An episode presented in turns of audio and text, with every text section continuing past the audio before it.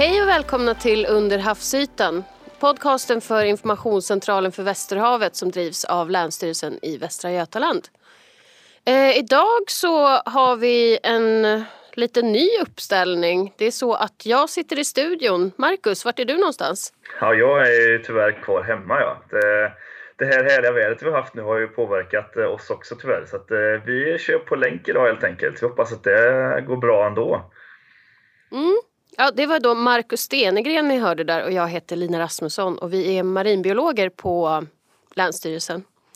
Eh, vad ska vi ha för avsnitt idag Markus? Det är faktiskt vårt eh, sista avsnitt för i år nu. Det är helt galet hur fort det gått egentligen. Men eh, så vi tänkte vi skulle ta och knyta ihop säcken lite grann, Göra lite återblickar på vad som har hänt, eh, spännande saker och kanske dyka lite grann på djupet i några utav dem. Eh, Eh, Eh, och ja, men försöka att få en liten, en liten känsla för, för framtiden också tänker jag, Lina. Mm. Så det blir lite av Lina och Marcus smällkarameller eller nyårskarameller eller vad hon nu brukar kalla den där Agneta Sjödin. Så nu ligger hon risigt till. Snor hennes uh, hela grej. Ja, men uh, vi kan väl börja lite svagt med första året med Under havsytan. Den här eminenta podcasten som vi ändå har drivit nu sedan första avsnittet var i mars. Hur känner du att det har gått det här Marcus? Har det, för det var ju ändå lite din idé från första början så jag tänker, har det motsvarat dina förväntningar? Jo, men det tycker jag. Det har, jag tycker det har varit jättebra, eh, rakt igenom bara. Eh, bara engagemanget kring det här har ju varit fantastiskt, bara en sån sak. Eh, och sen tycker jag ändå att det har... Alltså, det du och jag har, har skapat här är ju någonting jag var stolt över också. Så att, eh, och sen är det ju väldigt kul givetvis att det har varit så många som varit intresserade av att lyssna såklart. Mm. Eh, så, att, eh, så, så, av den anledningen så, så ser jag ju redan nu då ljus på framtiden och hoppas vi kan fortsätta hålla i det här, åtminstone nästa år också. Ja. Men jag, jag drog ju in dig då i det här lite grann, så tycker du att du blivit väl behandlad Lina? Ja, nej men alltså jag tycker det här har varit jätteskoj och eh, ja, du känner ju mig sedan gammalt så att du vet ju att jag är det något jag tycker om att göra så är det ju att prata. Vare sig jag har något vettigt att säga eller inte. Så jag tycker det här har varit... i handsken. ja precis. Jag tycker det här har varit super. Och eh, lite med det så kan vi ju säga som så att jag eh, kommer ju sluta min tjänst på Länsstyrelsen nu vid årsskiftet. Men, eh, och jag kommer gå tillbaka till universitetet som forskare. Men jag kommer ändå fortsätta komma in en gång i månaden och spela in den här podcasten för jag tycker att det är så pass kul och viktigt. Och så får jag komma in och umgås med mina goa kollegor och med dig Marcus. Så, så vi kör på helt enkelt. Det är fantastiskt eh, kul och det uppskattar jag givetvis. Och eh, samtidigt är det trist att se det gå, men så är det. Vi har olika kapitel i livet och ibland måste man vända blad. Men samtidigt är det fantastiskt kul att du väljer att vara kvar ändå på podcasten. Som jag, vi ska ännu lite roligare med nästa år hoppas jag då. Mm. Ja, mycket, det... mycket spännande inplanerat. Precis. Men om vi då ska gå tillbaka och, och så som vi har tänkt det här programmet lite, det är ju för vår största kanal ute är ju vår Facebook-sida och där får ju vi, vi lägger ju upp klipp om sånt som händer eller olika poster om sånt som händer här längs västkusten och eh, få kommentarer och sånt och då är det väl lite av de grejerna som vi har fått mest uppmärksamhet på som vi har tänkt att gå igenom och mycket av det är sånt som vi inte redan har pratat om i podcasten. Så jag tänkte bara dyka ner lite i de här ämnena då som vi, vi har valt, sådana som har varit lite större. Och det man nästan tänker om vi ska gå lite vad, vad, från eh, hur året började och hur det har pågått så om vi dyker tillbaka till mars i år så var det ju mycket nyheter runt en dumpning av pigghajar och eh, rockor i Lysekils hamn. Och eh, vad var det som hände där runt Marcus? Ja, det var ju det var väl privatpersoner det var en, från en dykklubb som, som Jag tror det var skolungdomar faktiskt skolungdomar från gymnasiet, ja. där, marinbiologiska gymnasiet. Mm. Just det. Så, och de hade man hittat då ute i, i hamnen i Lysekil på botten där. Och det var ganska många också. Eh, och en del var, var väl lite halvdöda, det var inte heldöda allihopa. Så att man tog väl ganska snabbt kopplingarna till att någon har dumpat från ett fiskefartyg då. Eh, och det blev en utredning till jag Lina och som jag förstod det så, så hade du lite mer kött på benen där vad som faktiskt hände med den utredningen. Ja, för det som är är ju att när man eh, fiskar och trålar och har sån, såna typ av nät, om man skulle få upp rocker och hajar som då, hajar som då är skyddade arter, om man då får dem som en typ av bifångst, då är ju tanken att du måste släppa det direkt från skeppet tillbaka i havet och göra så lite skada på dem så att förhoppningsvis så klarar de sig ändå. Men det som hände här var ju att då hade de tagit med dem in i hamnen och det är olagligt. Så att eh, det är då ett brott mot fiskerilagen. Och det som hände är att man har fått tag på en person som är misstänkt och eh, det väntas nu att ett åtal ska, ska väckas för den här, mot den här personen då, nu i dagarna faktiskt. Och hur man hittade det här, det, det, det lät lite som riktigt häftigt eh, detektivarbete för att de skickade ju in de här fiskarna till, eh, till eh, Statens veterinärmedicinska anstalt som då skulle obducera dem. Och då hittade man färgrester på hajarna. Och från de här färgresterna så kunde man då gå tillbaka och identifiera ett visst skepp. Oj. Och i och med det då hitta den här personen. Och dessutom så använder man sig av för att se vilka skepp är det som har de här typen av fiskeredskapen som faktiskt kan få, få hajar och rockor i, i näten och dessutom så har man kollat lite på satellit och radarbilder då för att se hur skeppen har rört sig. Så att eh, så som det ser ut så har det i alla fall ser det ut som det kan hända att en person då blir dömd för det här. Och det är ju, ja, det var ju en väldigt stor grej och det har ju väckt mycket, mycket tankar både om hur, hur man kanske ska se över fiske, fiskelagar och så om, om bifångster bland annat. Så, så det var en ganska stor grej och eh, så ser det ut idag. Mm. Ja, det låter nästan som taget från ett eh, avsnitt av CSI eller någonting där.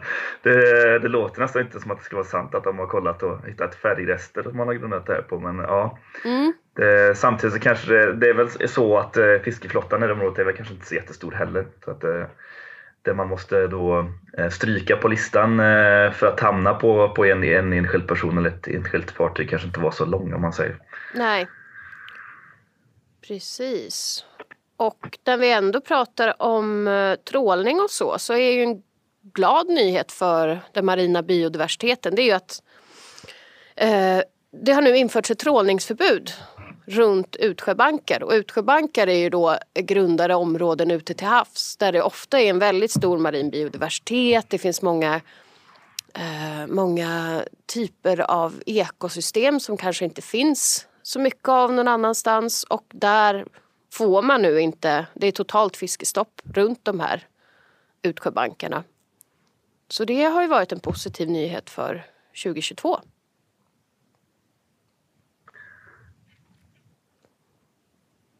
Vad tror du om eh, de här eh, marina däggdjuren då? Vi ska byta lite ämne här. Japp. Det är ju ett av de andra stora grejerna som vi eh, annars har haft en hel del uppmärksamhet kring i år. Det har ju varit rätt mycket stora djur, både fiskar och däggdjur. Så den första som kom, det var väl den här valrossen. Freja. Just det.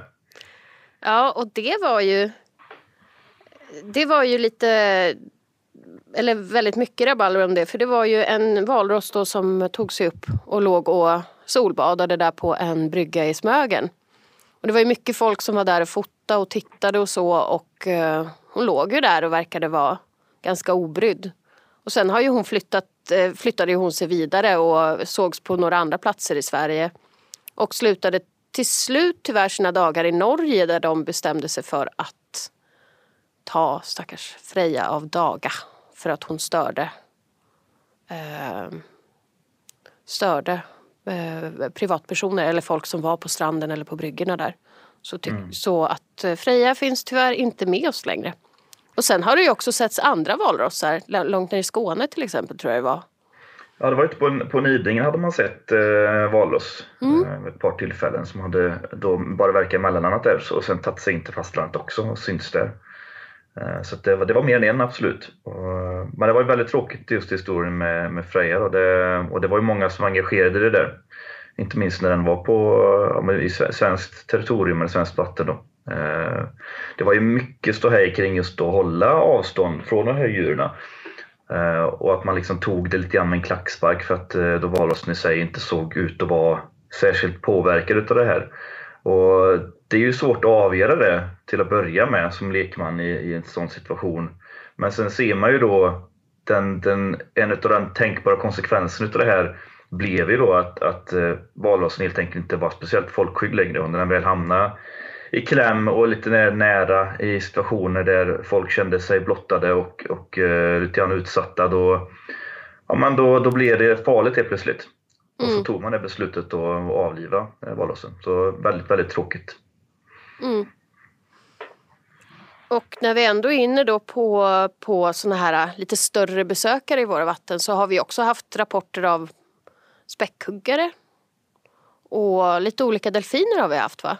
Ja, det har varit eh, några stycken olika. Sen är det ju alltid svårt att avgöra exakt vilken art det är. Men eh, det, det, har varit åtminstone två vad vi vet och sen givetvis tumlare och sånt där. Då. Eh, och det, men det brukar ju komma en del av eh, varje år egentligen. Men det kan vara svårt kanske ibland att avgöra vad som är en tumlare och vad som är en delfin också.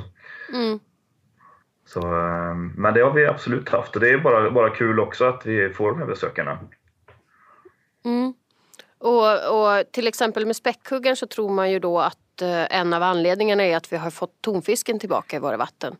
Nu är det ju inte så att vi har drösvis med tonfisk här nu så att men det kommer ändå eh, stim ibland. Och de följs ju upp då av eh, forskare på Sveriges lantbruksuniversitet som har satt sådana här chip i och försöker följa hur de rör sig och vart de finns. Mm. Så det är ju spännande forskning som pågår eh, om just de här tonfiskarna i svenska vatten. Ja, det var ett rejält ståhej kring eh, Öresund här nu tidigare år. Inte minst danskarna var nog lika upphetsade som vi var över de här eh, stora tonfiskarna som, som jagade ute i Öresund. Det var eh, ganska många häftiga bilder därifrån hur de hoppade en bra bit över ytan, de här tonfiskarna. Mm. Nej, och sen så har vi gått igenom lite djur och, och så hittills. Men det som hände runt påsk har ju inte så mycket just med biodiversiteten att göra men någonting som kan påverka den. Och det var ju att vi hade ett stort oljeutsläpp utanför Vinga. Ja, just det. Eh, och det vart ju ett ordentligt pådrag runt det. Uh, vad var det som hände och har du någon koll på statusen idag? Hur det har gått? Ja, det, det var ju... Man, man, visste ganska lite om det här och det visste ju vi också egentligen ganska lite om. Så vi, vi var ju del av det här flödet. Jag vet inte om du minns det, men eh, vi, vi tog det ganska lugnt med vad vi rapporterade om, för man visste så lite om det. Och det var ju eh, framförallt för att man då hade handskats med, med en ny typ av bunkerolja för fartyg. Då. Så att det kom ju fram sen att, att det hade läckt ut genom, ja, men när man tankade helt enkelt, man ett tankfartyg till ett, ett annat fartyg. Eh, så hade det, man helt enkelt missat att det läckte helt enkelt. Eh, och, och den här oljan visste man inte riktigt dels vad den hade för, för innehåll egentligen. Det, olika typer av olja kan vara olika toxiska, alltså giftiga, för, för den marina miljön. Eh, och samtidigt så, så kan de bete sig lite olika i vattnet också beroende på temperatur, med mera, med mera. Så att man hade väl lite tur i oturen att vädret var som det var eh, och att det visade sig att den här oljan höll ihop ganska bra då. Mm. Så ja, det var att, kallt, det var det som gjorde att den hölls ihop. Ja, precis. man ska nämna. Ja. Mm, exakt. Så att eh, man lyckades ändå att och städa upp en del av det här ute till havs. Då. Ut, eh, så länge den är ute till havs så är det Kustbevakningen som har det ansvaret. Så att de, de tog ett stort lass av det här Eh, och lyckas få upp mycket. Men samtidigt så var det givetvis en hel del som man inte lyckades få upp det ute så det drev ju land in till Öckerö. Och då, så fort du kommer in till land så blir det helt plötsligt kommunens angelägenhet. Mm. Eh, och, och, det blir ju väldigt jobbigt och väldigt tråkigt, eh, inte minst för den kommunen det drabbar, men, men egentligen för alla längs med kusten som, eh, som de blir utsatta för det. Eh, så det, det, var ett ganska stort pådrag. Man var där ute och, och försökte sanera så gott det gick, men, men samtidigt som man gjorde det här så är det klart att, att ju fler händer man har som, som hjälper till det desto bättre. Men samtidigt så var man väldigt återhållsam just för man inte visste hur giftig den här oljan egentligen var då. Så att eh, det var en balansgång var det. Och, eh, och som det ser ut nu då så har man väl lyckats. Jag, eh, man eh, bad ju folk i så, så mångt och mycket då egentligen att eh, rapportera in fynd till strandstädarkartan. Det var ju ett bra verktyg i det här. Snarare då än att själva gå ut och försöka städa upp just av den anledningen man behövde ha skyddsutrustning som kanske inte alla har. Mm. Eh, och jag tror det funkar ganska bra eh, om man gjorde de här insatserna i de drabbade områdena och, och vad det verkar nu då så, så har man lyckats att, att ta tag i det mesta. Och, eh, svenska forskare på östkusten var ju ganska snabba också från, från IVL inte minst, det institutet och ner på plats och ta prover i både i sediment och vatten och även i, i tång då, eh, mm. för att se lite grann hur, ja, men hur det här påverkar egentligen. Ja. Och det är ju långsiktigt som man då mäter detta här. Mm. Så att eh, man kommer att, att, ta fler prover som jag förstod det då. Men eh, och, det här är ett pågående arbete. Och det har ju varit en del av Länsstyrelsens arbete här att inte bara informationscentralen som vi driver då att vi informerar utåt utan vi har ju en, eh, en expert då som rycker ut när det gäller just olja. Men sen är det också Länsstyrelsen som har gått in och eh, eh, stött de här studierna av hur toxiska de är som, som forskarna håller på med. Bara för att vi ska få en bild och också för att sånt här inte ska läggas direkt på en, en och samma kommun, sådana här kostnader. Mm. Och så nämner ju du strandstädarkartan och det är ju då eh, en, ja, ideellt att folk far ut och städa på stränderna. Ni hörde ju Östen i, i somras från Kvartsita kanske. Han är ju med i Strandstädarna. Och den här kartan då drivs ju av eh, eh, Västkuststiftelsen. Och nu har de ju också lagt till ett till skikt i den så att eh, man kan märka ut bara oljeutsläpp på den här kartan. Så det är sånt man kan göra. Gå in där och titta på strandstädarkartan.se tror jag det är. Om man vill vara ute själv då och hjälpa till och hålla våra stränder rena. Mm. Jag kan ju avsluta det med att nämna också att eh, kommuner blir inte helt sittandes själva med den här kostnaden som tur var och det fanns medel att söka. Eh, så att, eh, och den senaste rapporten jag fick hade de inte fått några pengar utbetalt men det lutade mot att de skulle få ersättning för, för hela den kostnaden. Så det är någonting positivt eh, samtidigt att de slipper då axla hela den kostnaden själv. För det är klart att det, det är dyrt att sanera, speciellt olja. Mm.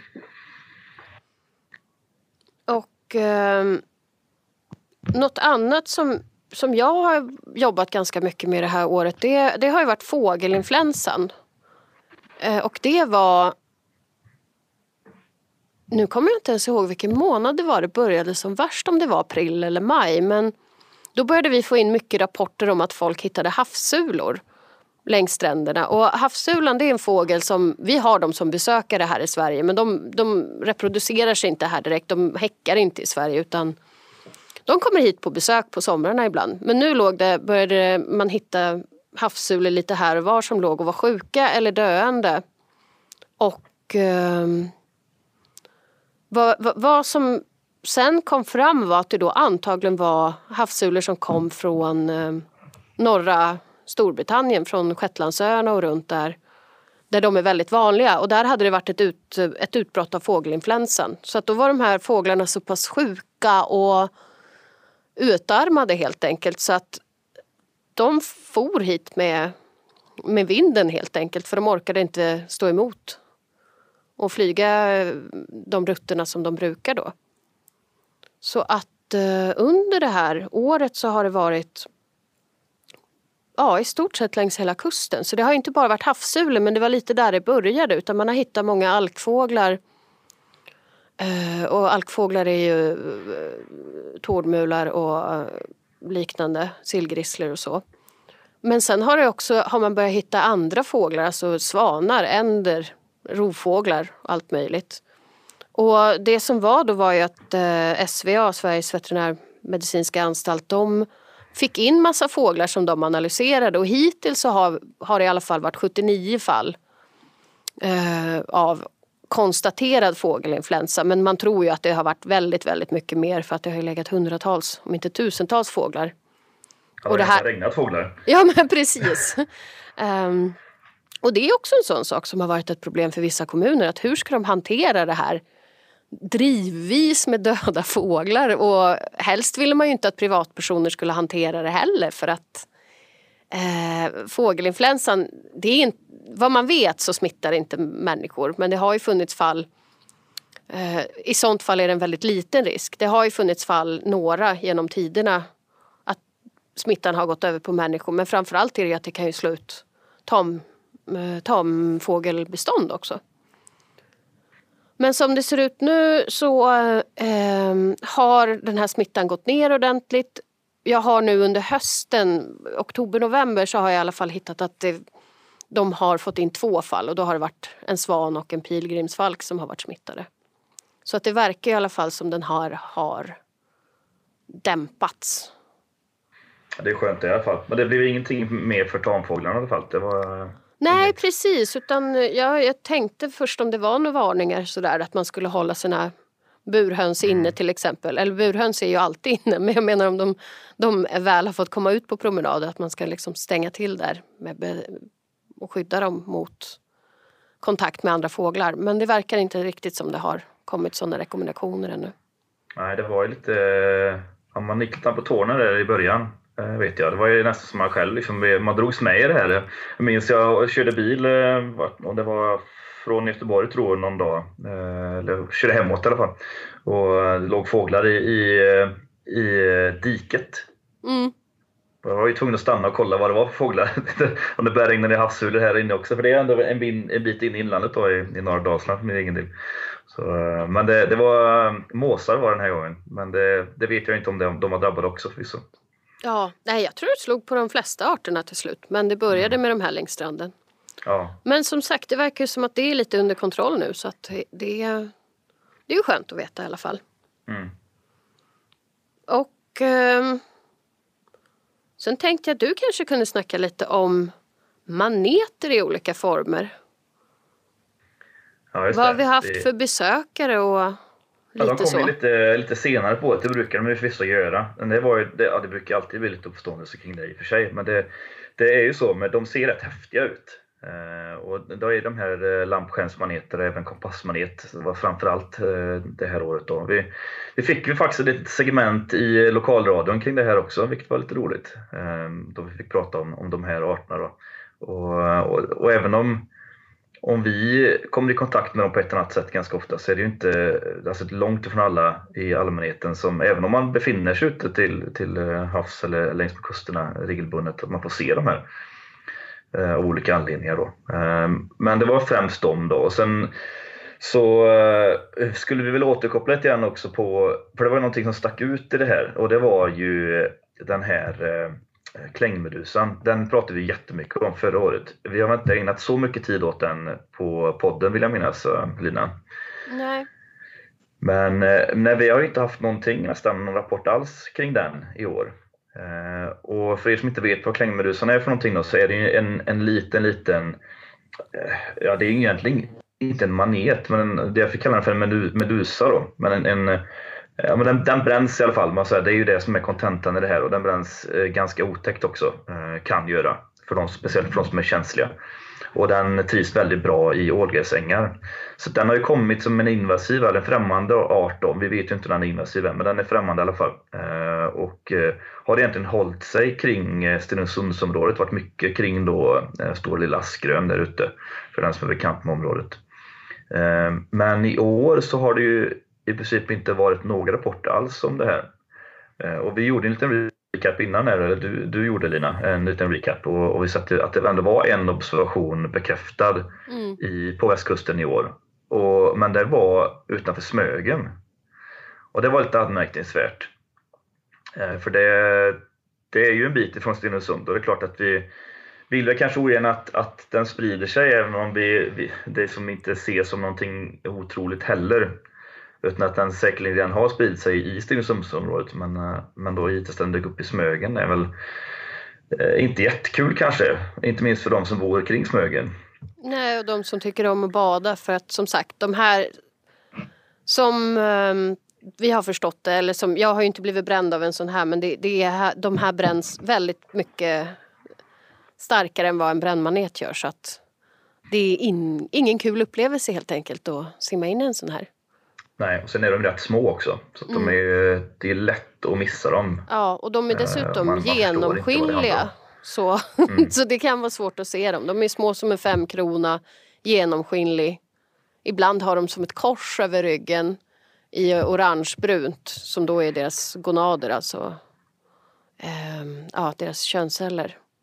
Men mm. som sagt, små, svåra att se och eh, ja, lätta att missa när man är ute. Mm. Så vi hoppas väl kanske att, eh, att det inte blir så mycket större spridning än så, men det, man vet ju aldrig. Det, förra året verkade det ju nästan ha varit lite exceptionellt då, när det var så mycket som det var. Mm. Sen har vi ju då hittat nu under hösten, eller fått rapporter sensommaren, hösten, en ny invasiv, eller en främmande art. Um, filtsjöpungen. Och det, det var ju då... det är det fantastiska namnet. Det, ja. det, ro, det roliga, vi pratade om det här, det roliga att man gick då... För det var väl norrmännen som hade den först. Ja. Och, och, de, och då, den direktöversättningen där när den kommer från Norge till oss var då havsbya. Och det lät ju inte så kul. Och sen då bytte man namn till Filtsjöpung. Och då, så här, då kan man ju fundera på om det var ett bättre namn än, Ibland än havsbya. tvekmacka på den skulle jag vilja säga. Men det var i alla fall eh, ja, en typ av sjöpungsart som hittades utanför Koster. Men sen nu när vi har, när, när den har börjat bli undersökt så, så har det visat sig att de faktiskt har funnits här längre. Eh, framförallt i ostronodlingar och så har man haft dem på sina, sina eh, korgar, odlingskorgar. Men de är ganska lika, de kan vara väldigt lika olika brödsvampar, eller eh, brödsvampen. Så folk har väl kanske trott att det har varit ett svampdjur istället och inte riktigt funderat så mycket över det.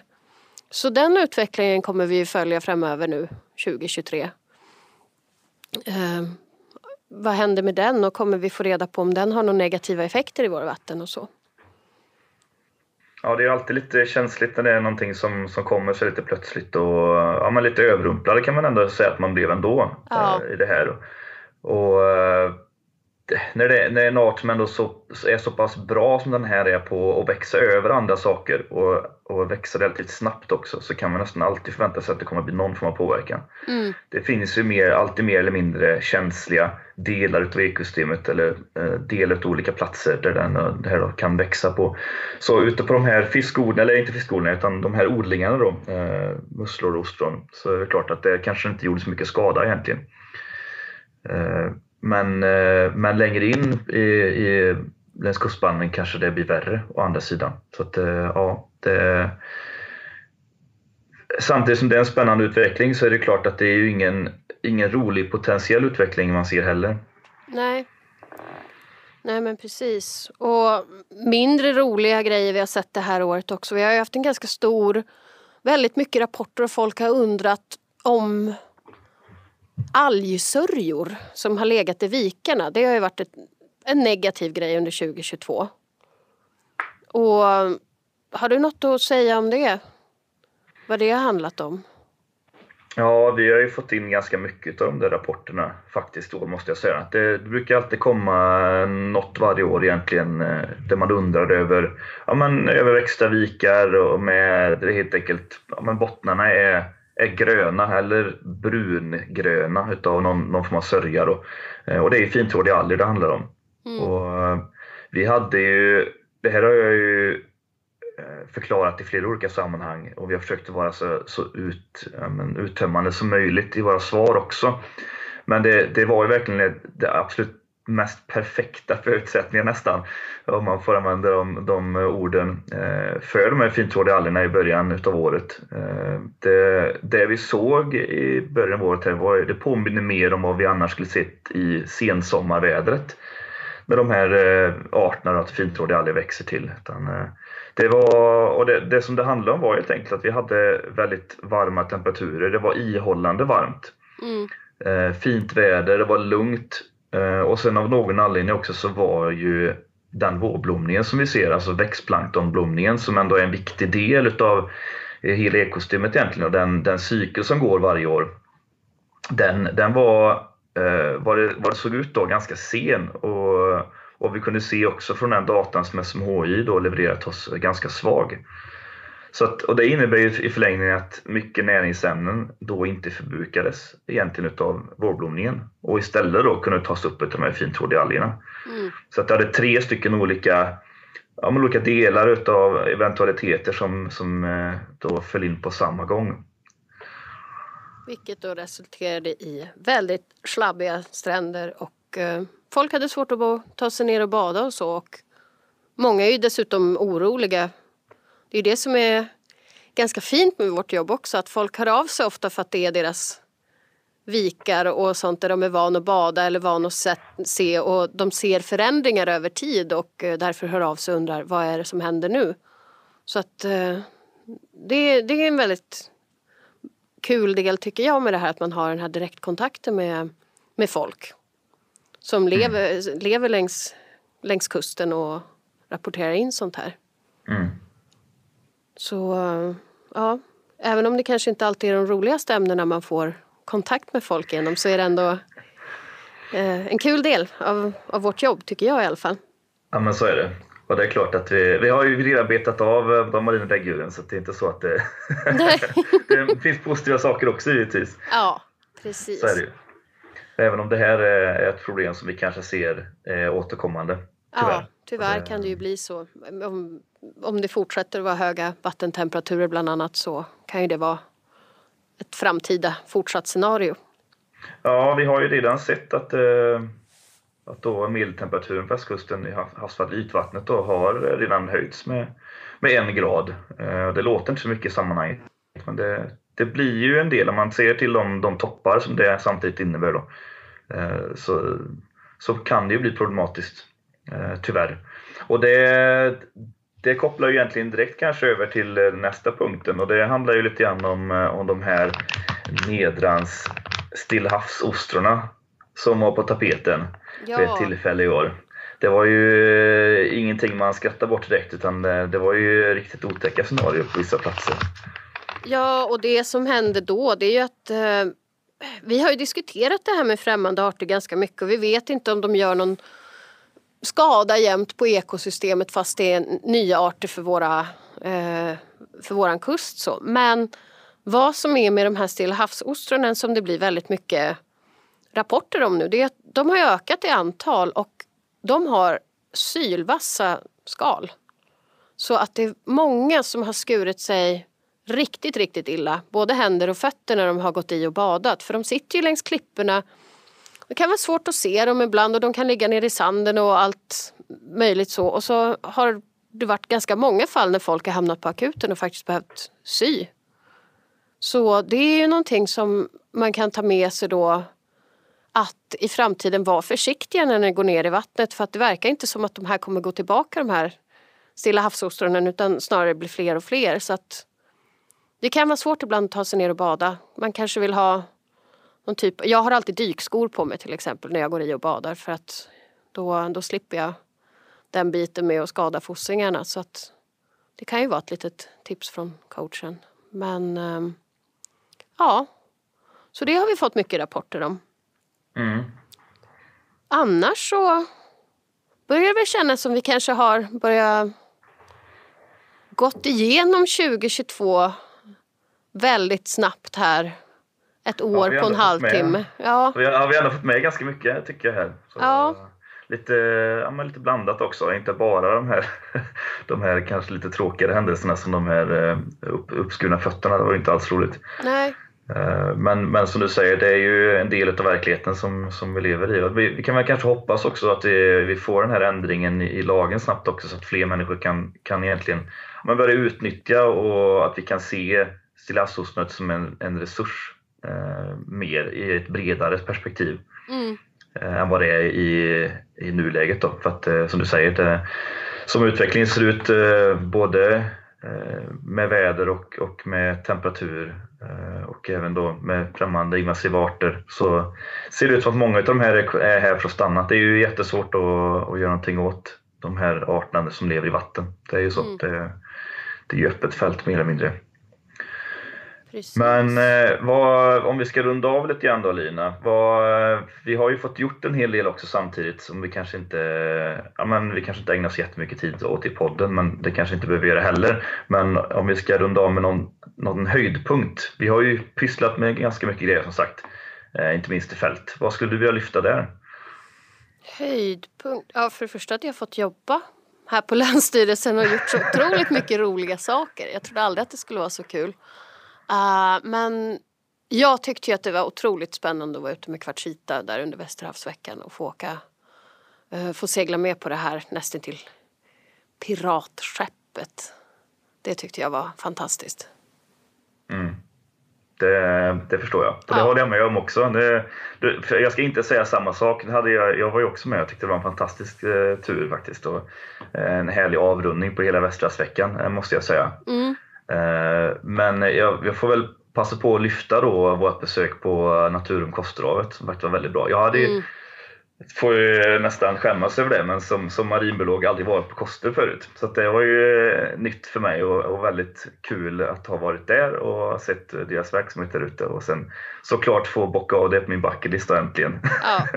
Och vi hoppas ju att vi ska få besöka Koster igen nu i sommar med ett nytt avsnitt. Det hoppas vi. Så ja. att eh, lyssnar ni nu, eh, ni på Naturen Koster, så vet ni. Då kommer vi. vi kommer, vare sig ni vill eller inte. Eh, ja, och vi har många spännande uppslag för vad vi ska gå igenom nästa år. Det kommer vara lite studiebesök när vi är ute och besöker eh, ja, både olika näringar som jobbar med havet men också som då koster och liknande saker. Kanske lite forsk, forskningsinstitut och sånt där. Vi har, vi har försökt sätta ett intressant schema i alla fall. Och som sagt, jag, jag fortsätter även om jag ska eh, sluta mitt jobb på Länsstyrelsen då och bli forskare och det jag jobbar med är kalkalger som jag har suttit och pratat om ganska mycket innan. Eh, och det kommer jag fortsätta att prata om i framtiden. Det ska vi se till också. Vi ja. får ju utnyttja att du ändå sitter på två stolar lite grann här. Ja men precis. Vi kan få en, en, en, lite insyn i forskarvärlden också kanske. Ja. Men eh, ja, jag, jag känner mig förväntansfull. Jag tror det kommer bli en, en ännu bättre andra år än första faktiskt. Om vi nu kan toppa det så.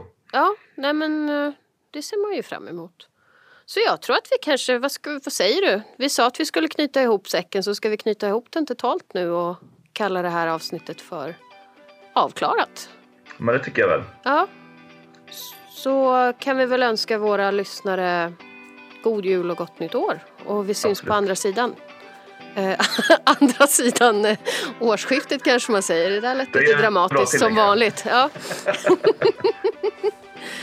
Ja, nej men med det så hoppas jag att ni fortsätter lyssna på oss eh, under 2023.